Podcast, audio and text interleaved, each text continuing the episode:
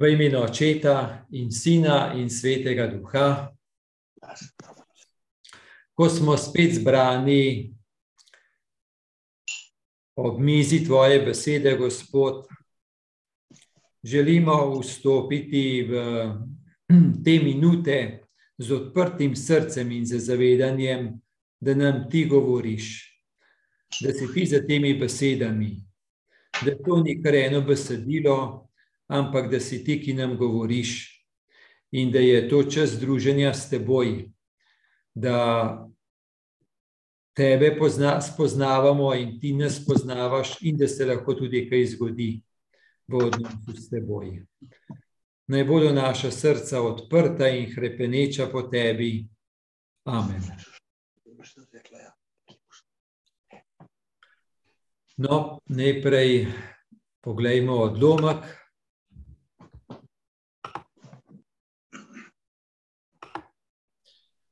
Odlomek je iz torej je 29. nedelja med letom, Luka 18, od 1 do 8. Tako pravi.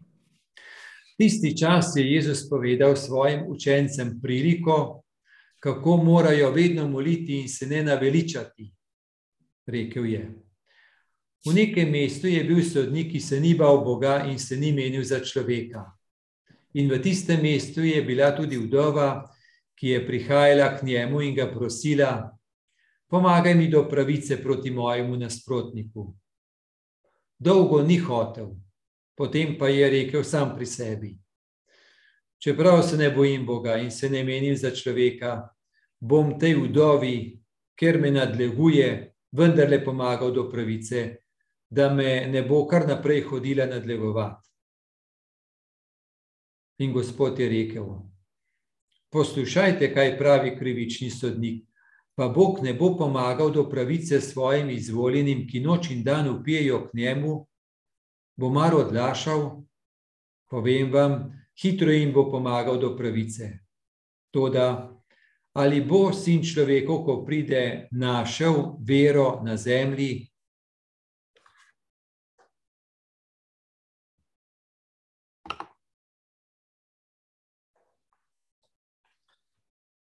Prejšnjo nedeljo je bila prilika, ki je med drugim govorila o zahvalni molitvi. Se spomnimo tisto, ko, so, ko je bilo deset gobavih mož ozdravljenih, pa je potem samo eden se prišel zahvali. Torej je bilo poudarek na zahvali, tokrat pa je bolj v spredju prosilna molitev. Še več. Um, zvestoba v prosilni molitvi. Tako začne. Tisti čas je Jezus povedal svojim učencem priliko, kako morajo vedno moliti in se ne naveličati. Se ne naveličati. Torej, lahko bi tudi v tem smislu prevedel, um, da molimo, zato da ne bi se naveličali moliti, da molimo za to, da se ne bi naveličali verovati, da, ne, da molimo za to, da se ne bi naveličali, da se ne bi naveličali um, živeti z Bogom. Torej, vse to je vključeno. Ko slišimo te besede o molitvi, pa se ne naveličati, kje je lahko ena glavna težava, da, pride, da bi se naveličali? Da ne bi več molili. Pa pravim, se ne gre samo za molitev, da bi se naveličali, ampak da bi se naveličali zaupati Bogu, za to gre. Ker um, ob dejstvu, da je toliko težkega, toliko gorja v marsikaterem življenju, seveda pride potem ta misel, kako to, da Bog ne poseže, kako to, da se Bog ne zmeni, za moje bližnje, za mene, za situacije, ki so res težke. Kako to? Torej, kaj s tem Bogom narobe, da ne poseže, da ne sliši, da ne naredi? Ali je brezbrižen, da mu ni mar za človeka, ali je nemočen, da bi sploh posegel v človeško zgodovino, ali ne zmore, kar ne zmore, pač sploh nima te moči. Torej, vse to pride na plano.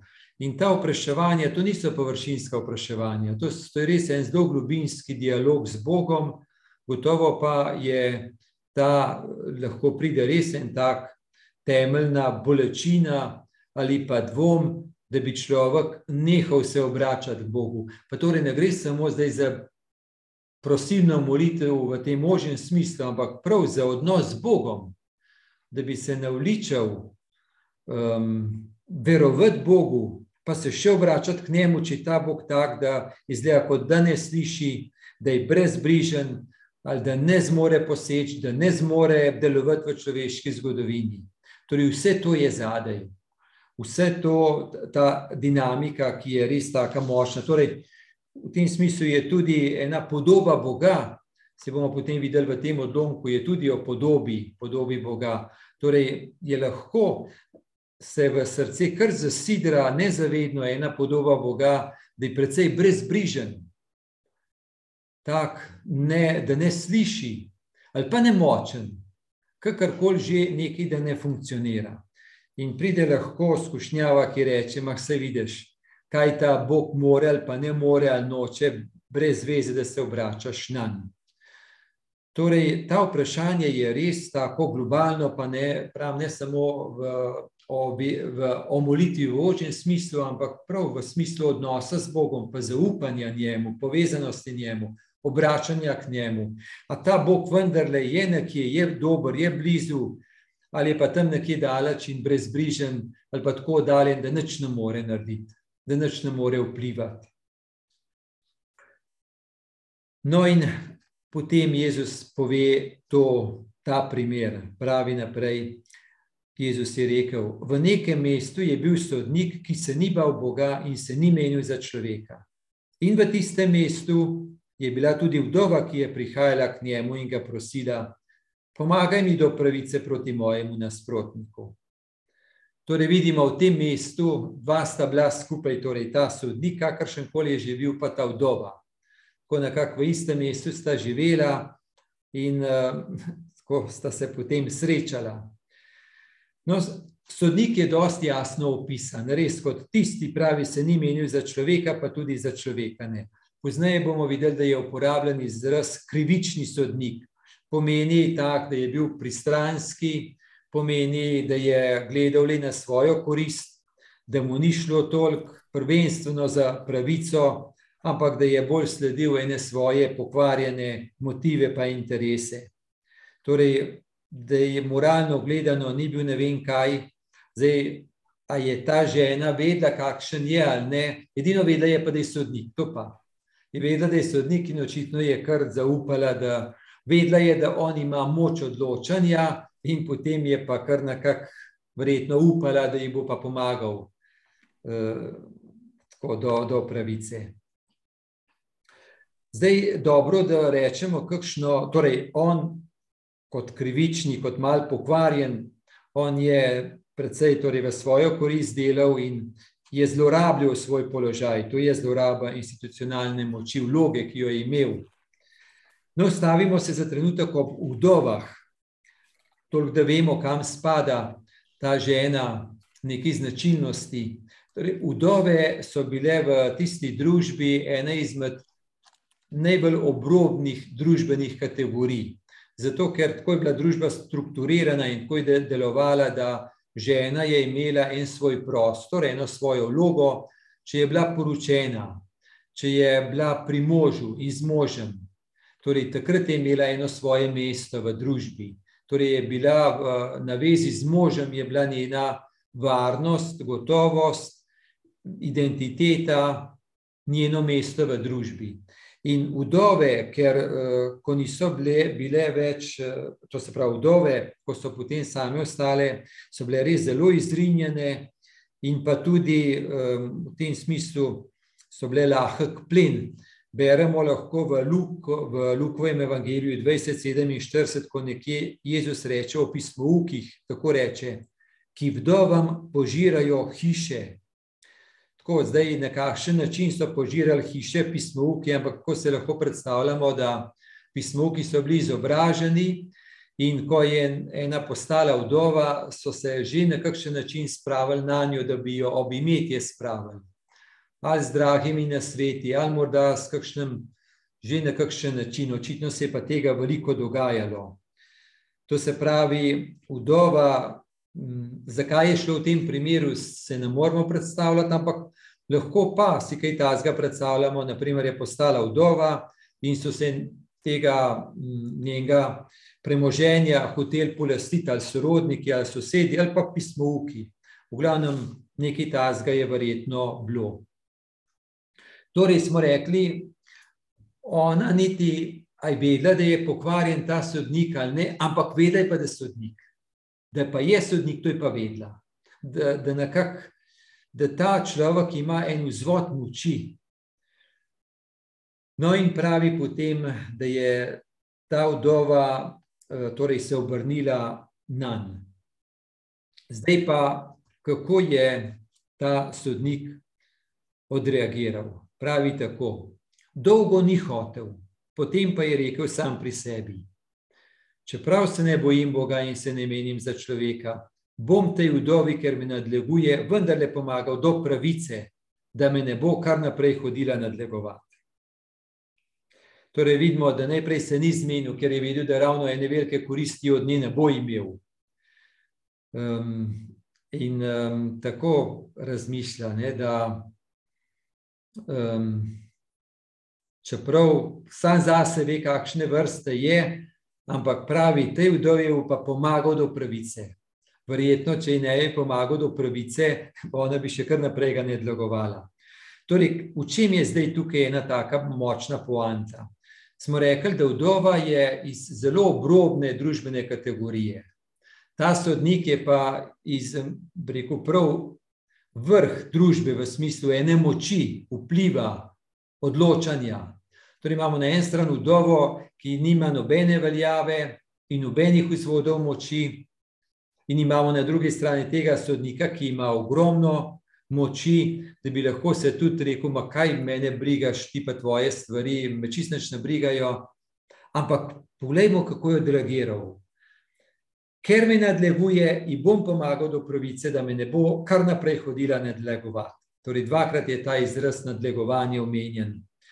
To se pravi, ta žena s to svojo ustrajnostjo, rekli, iz čist marginalne prostora v družbi in da gre do tega, ki je tam gor nekje na vrhu, s čim zmaga, kaj je njena moč, kaj je njeno. Je edino pravi nadlegovanje in eno močno, ena taka drža, ja, ti mi boš gotov pomagal, ti mi boš pomagal, ne bom odnegala, ti mi boš pomagal. Tako vidimo, ena taka drža, ta izraz nadležnostjo nadlegovati, To je kar močna, močen izraz. Um, torej, vsekakor to ni ena taka drža, ki bi nekako spadala v eno tako obzirnost, bljudnost, korektnost, ampak gre nekako konkret tega. Tudi ko se on ni zmenil za njo najprej, dolgo ni hotel, pomeni, da je najprej rekel, ma pust, ne bom, ne bom. Ne? Torej, ko ni hotel, ona je kar ustrajala um, ustrajala, ni se dala odnehati, ni v eni, ne vem, korektnosti, v ljudnosti rekla, no ja, če pa ne, če pa ne, pa je pa res ne, um, ampak je kar, za, za, kar ustrajala. Mi se na tem mestu, ko je ta izraz ustrajanja in nadlegovanja, na tem mestu se mi lahko spomnimo um, ene druge, druge Jezusovih besed iz tega istega Lukovega, iz Luka, iz 11. poglavja, tako pravi Jezus.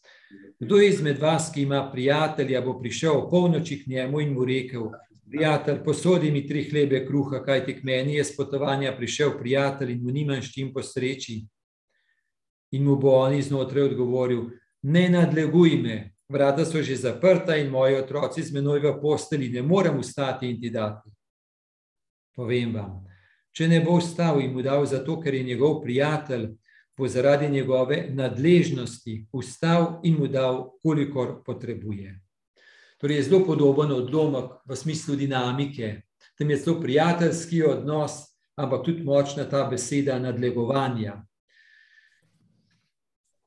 To je res, mi vprašali, ali mi nadlegujemo Gospoda, ali ga nadlegujemo, kaj bi rekli.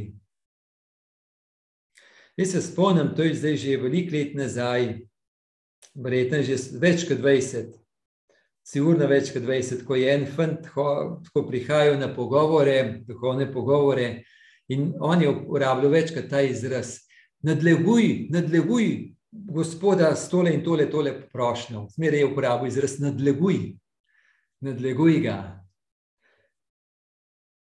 Torej smo rekli, nadlegovanje je kar taka močen izraz. Onkraj ene vljudnosti, korektnosti, jasno, onkraj tega, da bi se kar hitro odnehal. Kaj ne govori ta izraz? Torej, ta sodnik očitno na koncu je pomagal do pravice, da me ne bo kar naprej hodila nadlegovati. Torej, tukaj je primer iz ene človeške izkušnje, take, ki so jo lahko tisti poslušalci zastopili, in zdaj naprej pa potem gospod to razloži. Poslušajte, kaj pravi krivični sodnik pa Bog ne bo pomagal do pravice svojim izvoljenim, ki noč in dan upijajo k njemu, bo mar odlašal, pa vem vam, hitro jim bo pomagal do pravice. Toda ali bo sin človekov, ko pride našel vero na zemlji? Torej pravi, krivični sodnik pa se je nekako pustil premaken, pa je nekaj dobrega naredil. Ta sodnik je tak brezbrižen, pokvarjen, odmaknen, da mu ni bilo nekako za nič kaj dobrega. Torej, če ta sodnik je zmožen nekaj dobrega narediti za to ženo, ja, kaj pa potem Bog? Že prej omenjeni odlomek iz Luka 11 pravi, potem, ko govori o tistem prijatelju, ki je že šel spat in tako naprej, Potem Jezus nadaljuje, tudi jaz vam pravim, prosite in vam bo dano, iščite in boste našli, trkajte in se vam bo odprlo. Kaj ti vsak, kdo prosi, prejme in kdo išče, najde in kdo trka, se mu bo odprlo. Ali je med vami oče, ki bo dal svojemu sinu kačo, če ga bo prosil za ribo, ali, ali mu bo dal škorpiona, če ga bo prosil za jajce? Če torej vi, ki ste hudobni, znate dajati svojim otrokom dobre darove, koliko bolj bo nebeški oče dal svetega duha tistim, ki ga prosijo. Torej, vidimo, da imamo krivičnega sodnika, ki dobre stvari lahko naredi. Tukaj imamo te učence, ki jim Jezus govori in pravi: Vi ste tudi hudobni, ampak če ste zmožni kaj dobrega narediti, ja, veste, kaj pa je pa nebeški oče, koliko bolj bo vam dal svetega duha tistim, ki ga prosijo. Torej, tukaj je omenjen sveti duh, nekatera koli stvar, na to se bomo potem še vrnili. Torej, v vsakem primeru je ta dinamika. Če vidite vi iz svoje človeške izkušnje, kako Bog pomaga, eh, torej iz svoje človeške izkušnje, kako eh, vi ljudje pomagajo, pomagate lahko, ja, kaj pa potem Bog, ki je dober? Če vi, ki ste hudobni, pa dobro lahko naredite, kaj pa šele Bog, ki je pa zares dober? Jaz zdaj, ko sem včeraj, ko sem eh, v letalu bil um, na, na Malto in je zraven mene bila ena mamica um, s tako starim otrokom, naprimer eno leto približno in let je trajal dobro uro pa pol in čist vse čas je ta otrok, ali se jokal, ali je to, ali je to uh, nekaj hotel, In jaz sem gledal, in sem, stalno mi ta prihajala, misel rekel, če ta mamica zmore imeti toliko ljubezni do tega otroka, je res vse sorte počel, brcev, to, to, ona pa stalno, ali mu je prepevala, ali ga je božala, ali kar naprej nekaj pred njim, nekaj migala, da bi ga zapustila. Res, jaz sem stalno tako, prav živo sem se rekel, evo, če je to takole, kaj šele Bog, To se pravi, koliko potem Bog ima ene potrpežljivosti z nami, kaj vse nam dela, to laži, da bi nas nekako pritegnil v kaj vrednega v Božje življenje.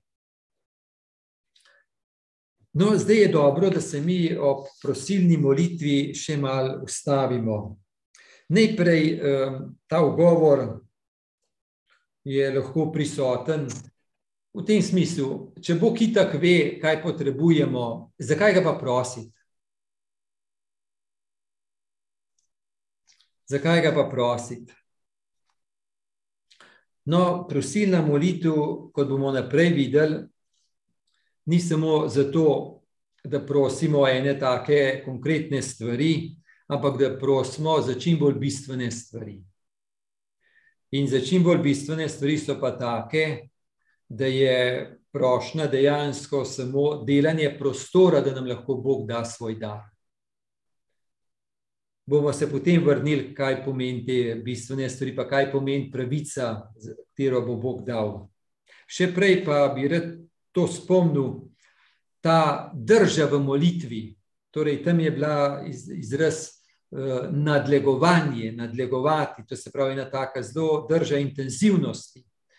To pomeni vsekakor nasprotno bi bilo ena taka mlahavost. Naprimer, gospod te bom nekaj prosil, sicer nisem ravno prepričan, da boš ti kaj poslušal, pa da boš kaj naredil.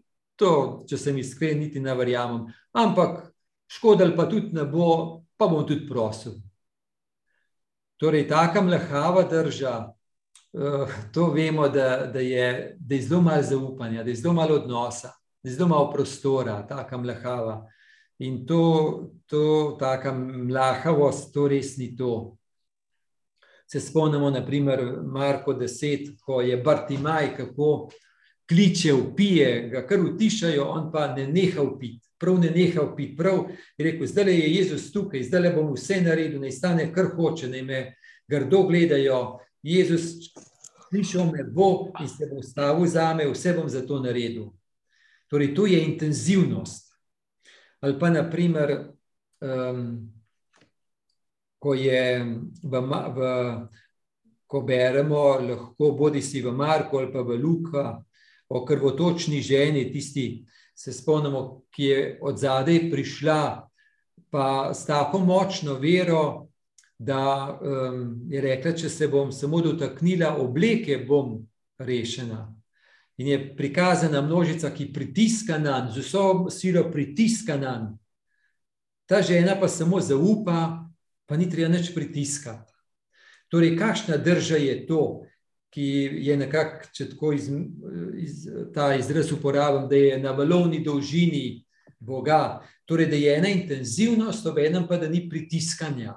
Torej, intenzivnost, ne mlahavost, ampak intenzivnost, kar nadlegovanje, ob enem pa, da ni eno pritiskanje in pritiskanje lahko tam nastane, za, še posebej tam, ko za eno konkretno stvar promočno pritiskamo, gospod, tole ti moraš narediti, če ne boš, pojte, pogledam ne več.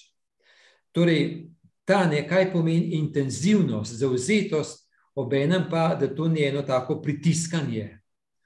Ampak to, torej, da zares goreče in zaupanjem prosimo, obenem pa, da gospodu pustimo svobodo.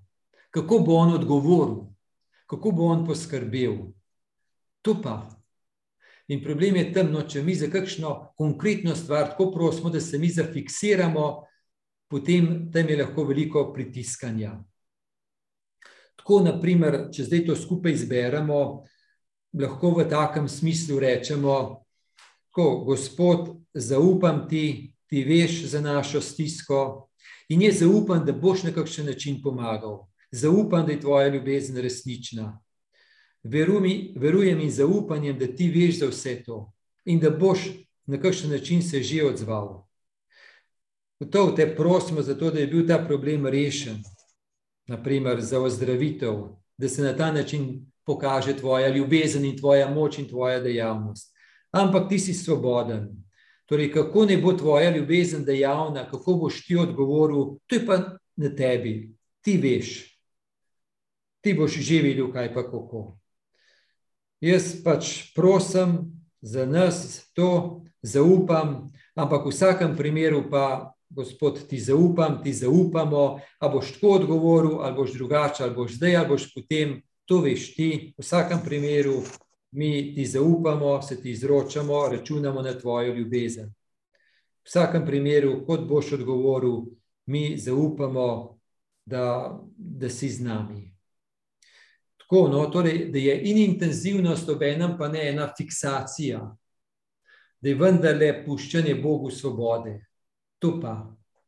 Ker če ne smo pa mi tako glavni, in da mi vidimo samo problem, ki pritiska na nas, in pa še mi začnemo pritiskati na Gospoda, ampak pa se preveč vrti okrog problema in rešitve problema.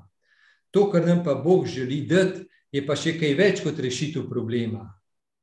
No, in zdaj pa gremo še v naslednjo točko, kjer se moramo ustaviti, um, ker je omenjena hitro in bo pomagal do pravice, v kakšnem smislu in kaj. No, lahko torej pride res v govor, toliko je problemov, pa kako da Bog ne pomaga. To je rečeno, hitro jim bo pomagal. Torej, kako to? Torej, molimo, prosimo za mlado mamico, ki je zbolela za rakom, pa umira, pa ima pušča tri mehne otroke. Kako to, kako to, kako to, da Bog ti ne posežeš? Kako to? A je to možno, da ti ne posežeš? Torej, gotovo v enem takem je stiska res velika in je, je prav, da jo spoštujemo. Obenem pa tudi, da vemo, da je skrivnost človeškega življenja, da je zelo globoka, da nikakor ne gre v naše človeške predstave, v našo glavo, to je pa tudi res. Um, No, tukaj na tem mestu um, je res dobro to, da Jezus pravi, in Bog ne bo pomagal do pravice svojim izvoljenim, ki noč in dan upijajo k njemu. Torej, tam je omenjena ta pravica te vdove, pa to je ena taka človeška izkušnja. Zdaj, če pa mi evangeljsko pogledamo, kaj pomeni pravica, kaj pomeni mm, božja pravica, ki nam je dana, potem pa pridemo do Jezusa, Kristusa na križu. Zakaj je to tako pomembno? Zaradi tega, ker Poglejte, Jezus je naredil kar nekaj čudežev, ampak čudeži niso bili vrhunec. Jezus je pozdravil nekaj ljudi, ampak ne vse. Torej, kar nekaj čudežev je naredil, ampak to ni bilo, hm, rekel, to ni bilo središče ali pa oziroma dopolnitev njegovega odrešenja. To je nekaj drugega. Torej, je križ, je vrhunec. No, in to nam ima zdaj nekaj zapovedati.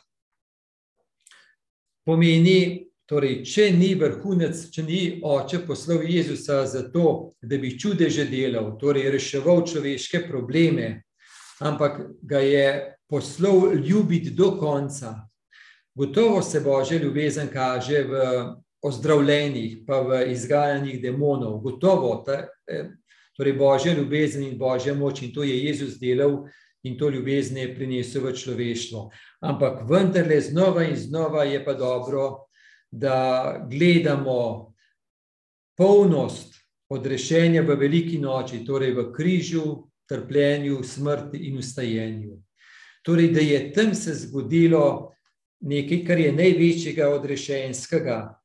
In kaj to pomeni? Pomeni, da um, je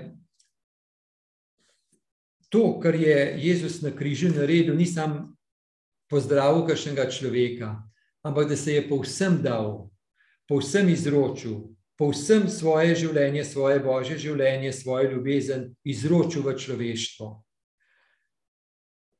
V tem smislu Jezus ni odpravil križa, je pa stopil v križ.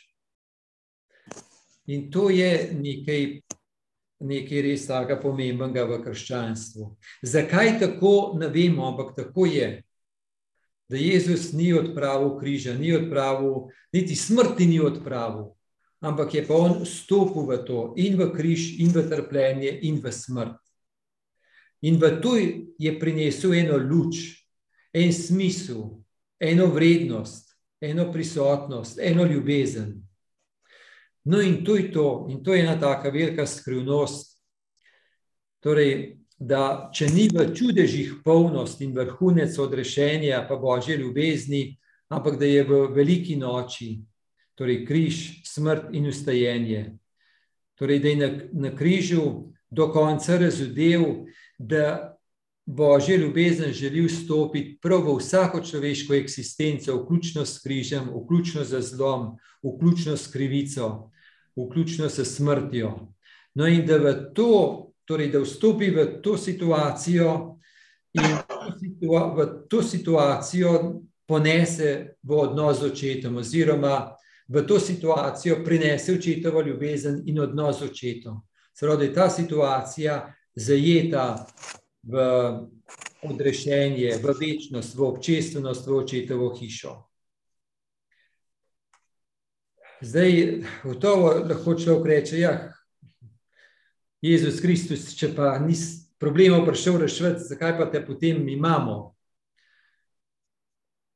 Gotovo, da ko so se ljudi takrat srečevali, je, so mnogo v to smer gledali in pričakovali od Jezusa. In so bili mnogi tudi razočarani nad njim. Ko jim je, na primer, govoril, jaz se bom povsem izročil, to bo dopolnitev, pa so rekli, čakaj malo. A je to to? tukaj smo res pri eni veliki skrivnosti, kaj nam Bog pravzaprav želi dati, kaj nam Kristus želi dati, kaj nam Gospod želi dati. A rešitev problemov, ki so resni in veliki, in vsi vemo, kaj pomenijo življenjski problemi, hudi. Ali je pa še ena globlja skrivnost, torej njegova daritev, njegova prisotnost, ki je pa absolutno brezpogojna in zastonska in v vse pore človeštva segajoča.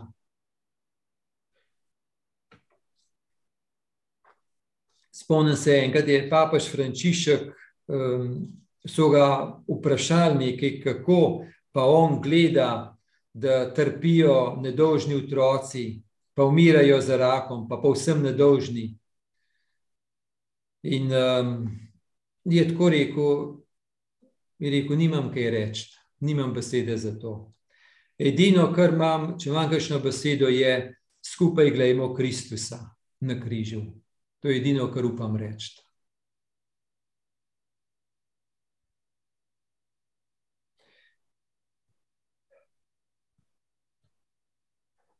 Mislim, da tudi vi poznate kakšnega, ki je šel skozi kakšno hudo preizkušnjo ali pa še noter. In ko vidite, da če tudi bolezen ostaja ali pa celo napreduje, je pa vendarle nekako čutimo in slutimo in prepoznavamo, da ta oseba gre lahko naprej s tako držo sprejemanja in predanosti, da gre naprej edino pripeta na, na Gospoda.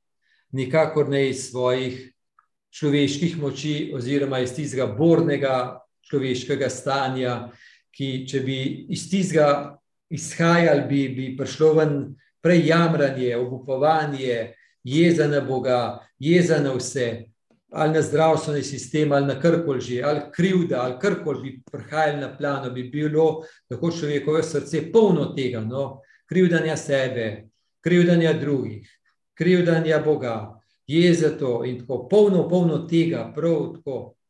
Bi iz take situacije lahko ven prihajali.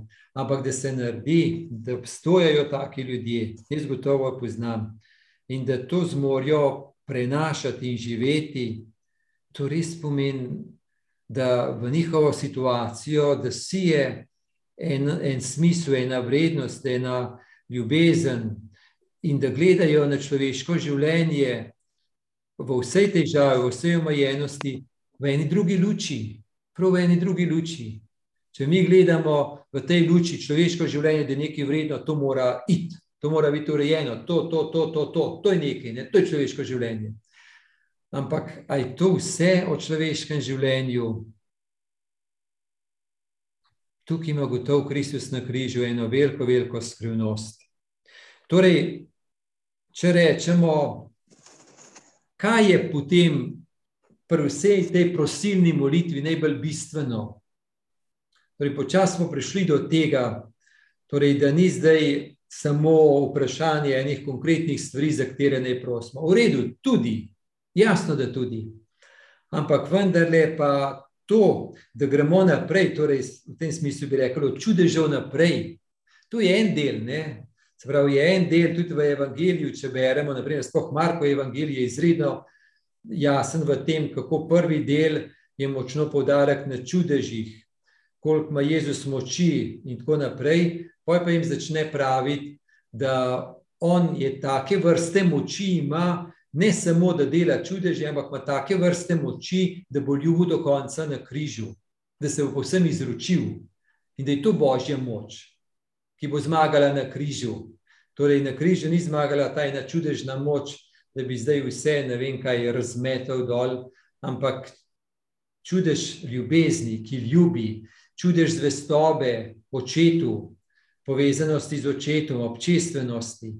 No, in kar je potem najgloblje in največ, kar nam Gospod želi dati, in kar Kristus prinaša, je odnos z očetom, je občestvenost, je sinovstvo, je očetova ljubezen. To je, kar nam Kristus prinaša in kar nam Gospod najbolj želi dati.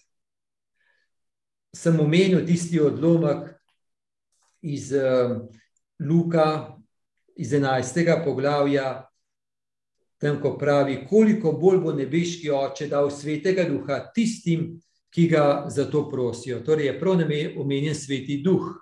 Torej, ne kar koli, ampak je prav sveti duh omenjen.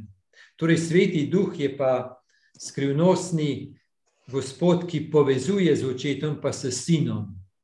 No, in to, ta sveti duh je že v nas, ampak da da mi molimo z njim, oziroma da sodelujemo z njim, ki moli.